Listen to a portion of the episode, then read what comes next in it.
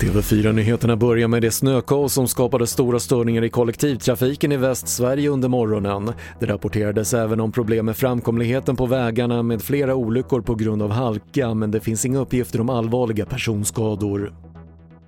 Efter att militären tagit över makten i Myanmar och utlyst ett års undantagstillstånd fördömer ledare runt om i världen kuppen och uppmanar till en återgång till den demokratiska processen. Och enligt utrikesminister Ann Linde måste militären respektera rättsstatsprincipen.